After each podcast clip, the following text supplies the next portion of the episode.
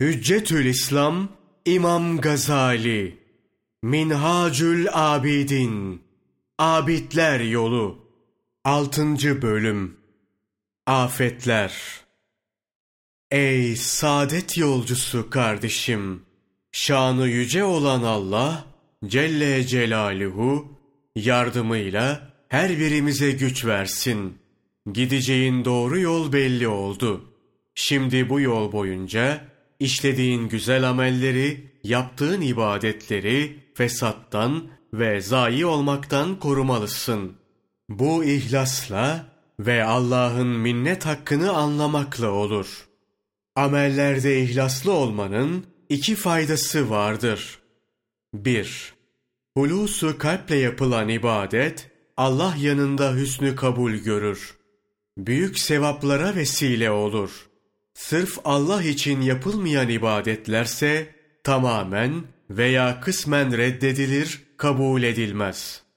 Nitekim Peygamberimiz sallallahu aleyhi ve sellem'den rivayet edilen bir hadisi meşhurda şöyle buyrulur. Allah buyurur. Ortağa muhtaç olmayanların en muhtaç olmayanı benim. Kim ki işlediğini sırf benim için işlemez, başkasını ortak ederse benim nasibim onadır. Ben ancak hulusu kalple benim için yapılan amelleri kabul ederim. İhlassız olarak dünyada işlediği amellere karşılık ahirette sevap istemeye kalkan kimselere Rabbimizin şöyle söyleyeceği rivayet edilir. Dünya hayatında, meclislerde istediğin gibi hareket ettin, baş oldun. Dilediğin gibi aldın, sattın. Bu hareketlerinde hiç bizim hoşnutluğumuzu düşünmedin. Keyfi hareket ettin. Şimdi bizden ne istersin? Bu ve benzerleri, amelleri sırf Allah için yapmamanın tehlikeleri ve zararlarıdır. İhlasın zıttı olan riya, gizli ve aleni olmak üzere iki rezalete, ayrıca iki musibete sebep olur. Birinci rezalet. Kişi bir amel işlediği zaman, melekler sevinçle o ameli alarak Allah'a götürürler. Fakat riya karışan, gösteriş için yapılan bu amel hakkında şanı yüce olan Allah Celle Celaluhu şöyle buyurur. Götürün o ameli zindana atın. Sahibi onu benim için işlemedi. Başkalarına gösteriş için yaptı. Böylece bu amel ve sahibi melekler yanında rezil rüsva olur. İkinci rezalet. Peygamberimiz sallallahu aleyhi ve sellem'den nakledilen bir hadiste şöyle buyrulur. Kıyamet gününde mürailer dört isimle çağrılırlar. Ey imansız, ey günahkar, ey hain ve ey sapık! Amelin zayi oldu. Ecrin iptal edildi. Nasibin yok. O amelleri kimin için işlediysen git ondan mükafatını al. Ey hileci adam! Bu sözler kıyamet günü halk arasında alenen söylenir. Böylece mürai rezil rüsva olur. Yine rivayete göre kıyamet günü tellallar yüksek sesle şöyle bağırırlar. Ey hakkı bırakıp halka tapanlar! ibadetleri gösteriş için yapanlar, riyakarlar! Kalkın, taptıklarınızdan mükafatlarınızı isteyin. Şanı yüce olan Allah, yalnız katıksız ibadetleri kabul ediyor. Riyanın sebep olduğu musibetlere gelince, birinci musibet, riya, cennetten mahrumiyete sebep olur. Nitekim, Peygamberimiz, sallallahu aleyhi ve sellem'den rivayet edilen bir hadiste şöyle buyrulur. Cennet konuşur ve şöyle der. Allah beni hasislere ve mürailere haram kıldı. Bu hadisin izahı iki şekilde yapılabilir. 1. Hasisten maksat, kelime-i şehadeti söylemeyendir. Mürayiden maksat, Allah'a inanmadığı, birliğini tasdik etmediği halde inanır ve tasdik eder görünendir. 2.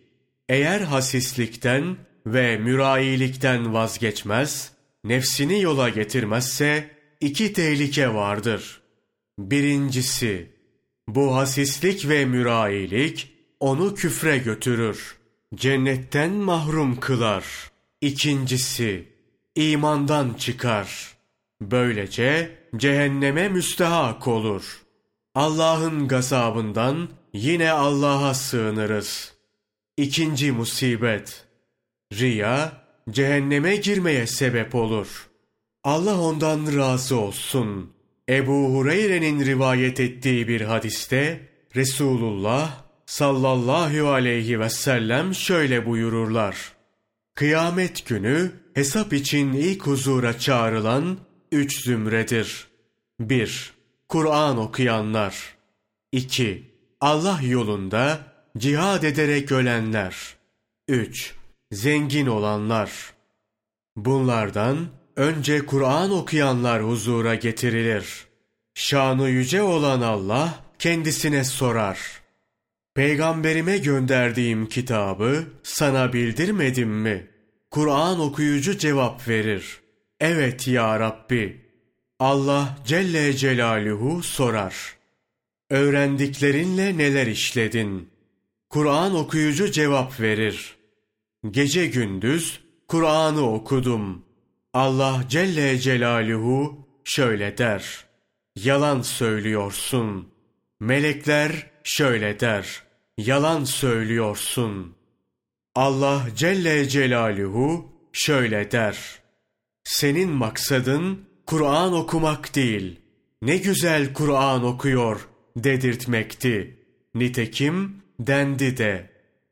Sonra zengin olan huzura getirilir. Şanı yüce olan Allah Celle Celaluhu kendisine sorar. Dünyada sana mal mülk ve zenginlik vermedim mi? Kimseye muhtaç olmadan hayat sürmedin mi? Zengin cevap verir. Evet ya Rabbi. Allah Celle Celaluhu sorar. Verdiğim bu zenginliğe karşı ne gibi iyi şeyler yaptın? Zengin cevap verir. Fakirlere yardım ettim, sadakalar verdim. Allah Celle Celaluhu şöyle der. Yalan söylüyorsun. Melekler şöyle der. Yalan söylüyorsun. Allah Celle Celaluhu şöyle der. Sen fakirlere yardım olsun diye vermedin. Ne cömert insan desinler diye verdin. Nitekim böyle dendi de. Daha sonra harbe girip ölen huzura getirilir. Şanı yüce olan Allah Celle Celaluhu kendisine sorar. Söyle ne yaptın? Harpte ölen kişi cevap verir. Allah'ım senin yolunda cihad etmekle emrolundum. Savaştım, öldürdüm, öldürüldüm. Allah Celle Celaluhu şöyle der. Yalan söylüyorsun. Melekler şöyle der. Yalan söylüyorsun. Allah Celle Celaluhu şöyle der. Sen benim için savaşmadın. Benim için vatan müdafasına koşmadın. Sadece ne cesur adam desinler diye harbe girdin. Nitekim hakkında böyle söylendi de. Ebu Hureyre Allah ondan razı olsun şöyle devam eder. Resulullah sallallahu aleyhi ve sellem bunları anlattıktan sonra eliyle dizime vurarak şöyle buyurdu. Ey Ebu Hureyre! Bunlar o kişilerdir ki cehennem ateşi önce onlarla alevlendirilir. Allah ondan razı olsun. İbni Abbas da şöyle der. Resulullah'tan işittim. Diyordu ki, cehennem ve cehennem ehli mürayileri görünce bağırışırlar, inlerler. Sordular, ey Allah'ın Resulü, ateş nasıl bağırır, çağırır? Buyurdu, hararetinin fazlalığından gürler, ses çıkarır. Aklı olanlar için bunlarda büyük ibretler vardır. Sual, İhlas, riya ne demektir? Bunların hükmü nedir? İşlenen amellere ne gibi tesiri olur? Cevap, alimlerimizce ihlas iki türlüdür. 1. Amelde ihlas. 2. Sevap talebinde ihlas. Amelde ihlas, Allah'a yakınlık dilemek, onun buyruğuna tazim, davetine icabet etmek demektir. İyi bir inanç, amelde ihlasa vesile olur. Bu ihlasın zıttı nifaktır. Nifak, Allah'tan başkasına yakınlık dilemek, yapılan ibadet ve iyi ameli gösteriş için yapmak demektir. Sevap talebinde ihlas. Hayırlı işler işleyerek karşılığında ahirette menfaat ummak demektir. Bir defasında havariler Hazreti İsa aleyhisselama sorarlar. Halis amel nedir? İhlaslı kişi kimdir? Cevap verir. Halis amel, katıksız amel yani sırf Allah rızası için yapılan ameldir. İhlaslı kişi ise yaptığını sırf Allah için yapan, ondan başka hiçbir kimsenin yaptığı ameli öğrenmesini istemeyen kişidir. Bir kimsenin yaptığı herhangi bir iyiliği Allah'tan başka kimsenin övmesini istememesi riyayı önler. İhlasa vesile olur.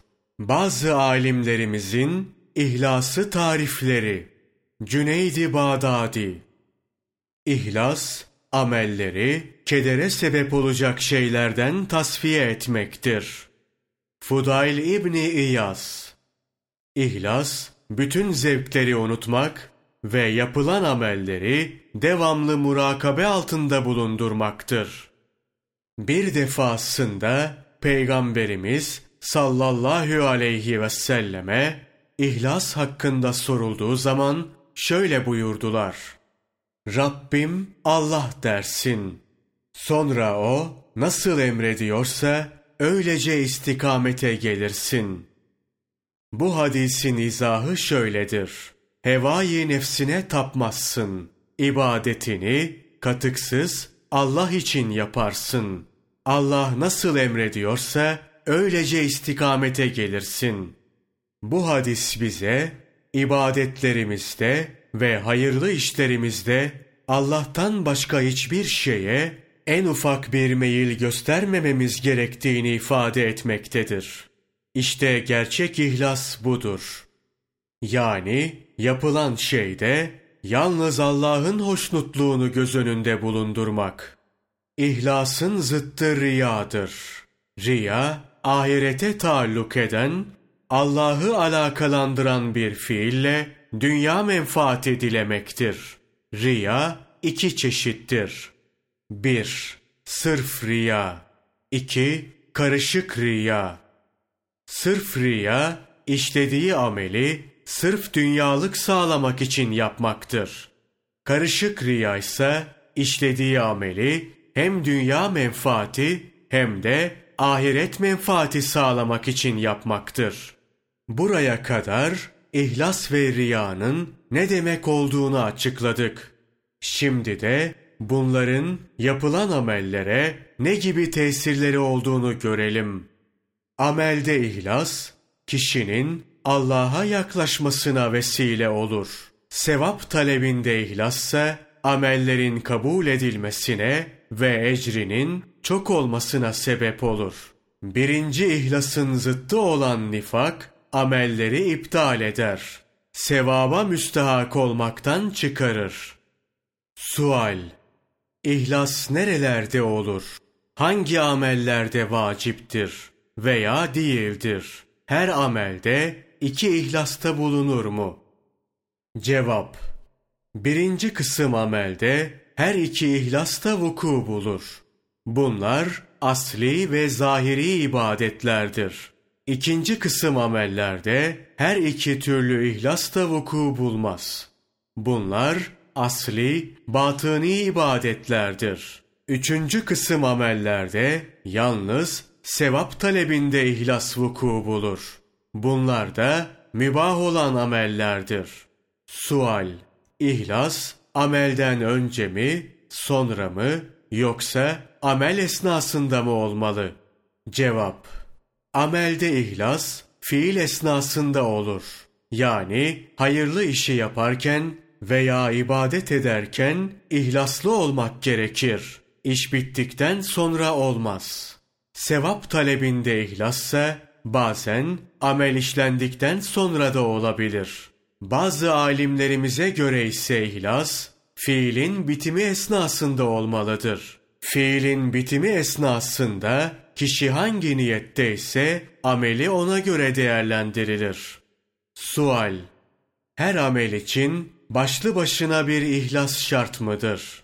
Yoksa bütün amellere bir ihlas yetişir mi? Cevap Bu hususta alimlerimizin fikirleri değişiktir. Bazılarına göre her bir amel için ayrı bir ihlas şarttır. Bazılarına göre de bütün ibadetler için bir ihlas kafidir. Namaz, abdest gibi birbirine bağlı ibadetlerde ise bir ihlas yeter. Çünkü bunlardan biri bozulursa çok kere diğeri de bozulur. Sual Bir kimse yaptığı hayırlı bir iş sebebiyle sadece Allah'tan dünya menfaati istese, insanların kendisini öğrenmelerini hatrına getirmese ve onlardan herhangi bir menfaat beklemese, o kimsenin bu hareketi riya sayılır mı? Cevap Ne demek? Yapılan bir hayır işiyle dünya menfaati sağlamaya kalkışmak, riyanın ta kendisidir. Alimlerimiz derler ki, riyada esas olan, murad edilen şeydir. Madem ki kişi yaptığı hayırlı işle dünya menfaati sağlamak istiyor, o halde bu riyanın ta kendisidir. İster o dünyevi menfaati Allah'tan istesin, isterse kullardan istesin, fark etmez.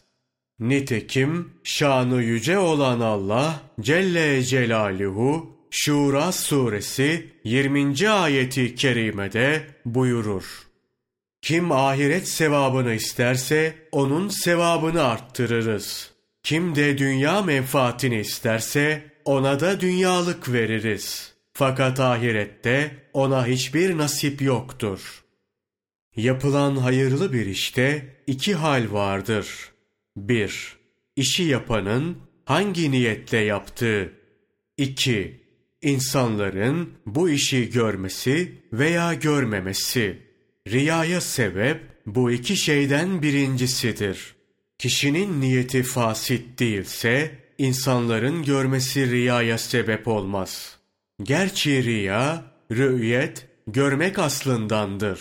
Fakat bu riyanın ekseriyetle insanların görmesiyle vuku bulmasındandır. Esas riyaya sebep olduğu için değildir.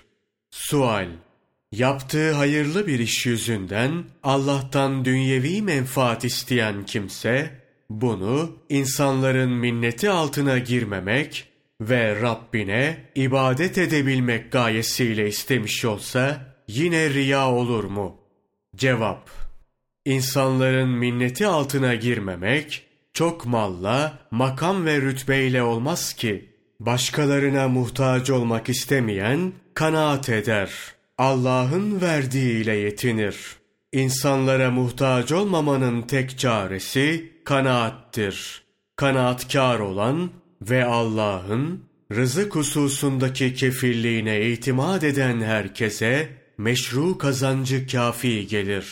Allah Celle Celaluhu'ya ibadet etmek gayesiyle dünyevi menfaat talep etme hususuna gelince, eğer gerçekten bu niyetinde samimi ise, yani daha çok Allah'a ibadet etmek, hayırlı işler yapmak istiyorsa, o zaman riya olmaz.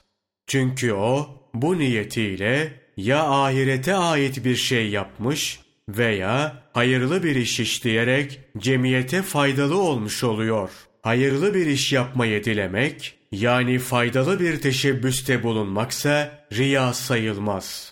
Bu mevzu çok mühimdir ve inceden inceye bilinmesi gerekir.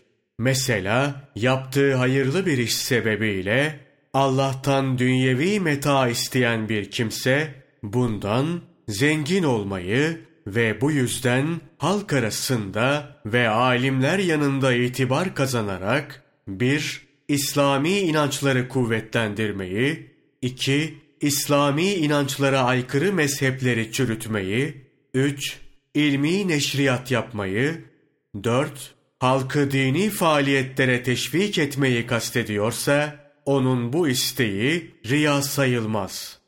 Çünkü bütün bunlar hakikatin galip gelmesini istemek, onun zaferi için çalışmak demektir. Fakat bunları yapmak niyetiyle dünya metaı talep eden kimse, sonra bu faaliyetlerinden dolayı kendi nefsi için bir şeref payı ayırmaya kalkarsa, o zaman riya olur.'' Öteden beri bazı hak erenleri sıkıntılardan kurtulmak ve dünya malına sahip olmak için Vakıa suresini okurlar. Bir gün bir büyüğümüze bunun Kur'an okuyarak dünya metaı talep etmek olup olmadığını sordum. Bana şöyle cevap verdi. Hak erenlerinin o sureyi okumaktan maksatları bir temenniden ibarettir. Yani onlar o sureyi okuyarak Allah'tan kendilerini kanaatkar yapmasını, ibadet etmek ve ilim öğrenmek için kuvvet vermesini dilerler.